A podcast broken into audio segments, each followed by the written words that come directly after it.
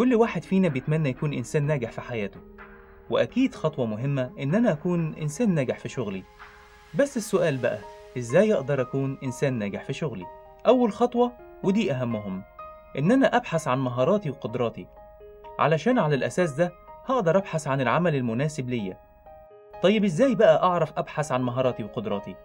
أول حاجة هنعرفها إن أنا أحدد الأنشطة اللي بحب أمارسها طول الوقت. أبدأ أرصد كده كل الأنشطة اللي بحب أمارسها في اليوم وأحبهم إلى قلبي. يعني مثلا بحب أقضي وقت في المطبخ بحب اللعب مثلا فك وتركيب بعض الحاجات التكنولوجية مثلا بحب تنسيق الألوان بحب الأزياء.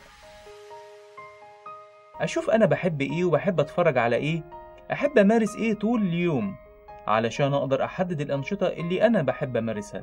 من خلال كده ممكن أقدر أحدد وظيفتي إيه؟ طيب وإيه كمان؟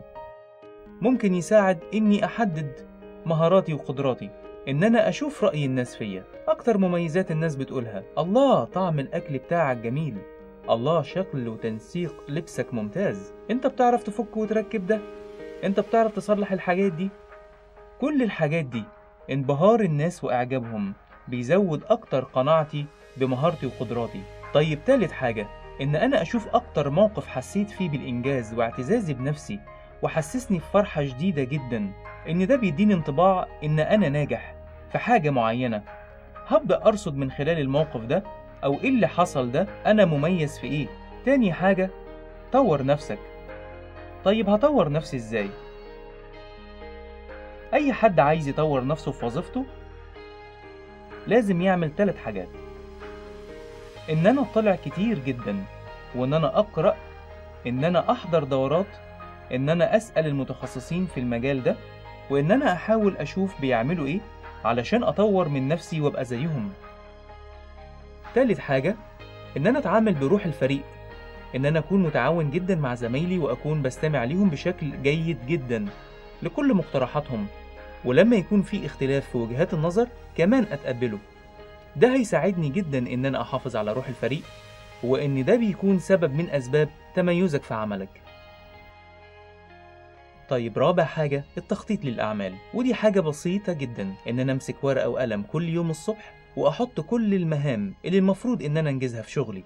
خامس حاجة إن أنا أحترم نظام العمل ودي سهلة جدا إن أنا آجي في ميعادي وأمشي في ميعادي أشوف إيه اللوائح والقوانين اللي موجودة إن أنا أستغل كل وقت موجود من وقت العمل بالشكل الأمثل والشكل المناسب ليه سادس حاجة إن أنا أحترم التسلسل الوظيفي. يعني ما ينفعش أتعدى مرؤوسي في العمل أو إن أنا أتخطى وظيفتي وأروح لمرؤوس مرؤوسي من غير ما أعدي على رئيسي المباشر علشان تبقى فاهم اللي ليك واللي عليك.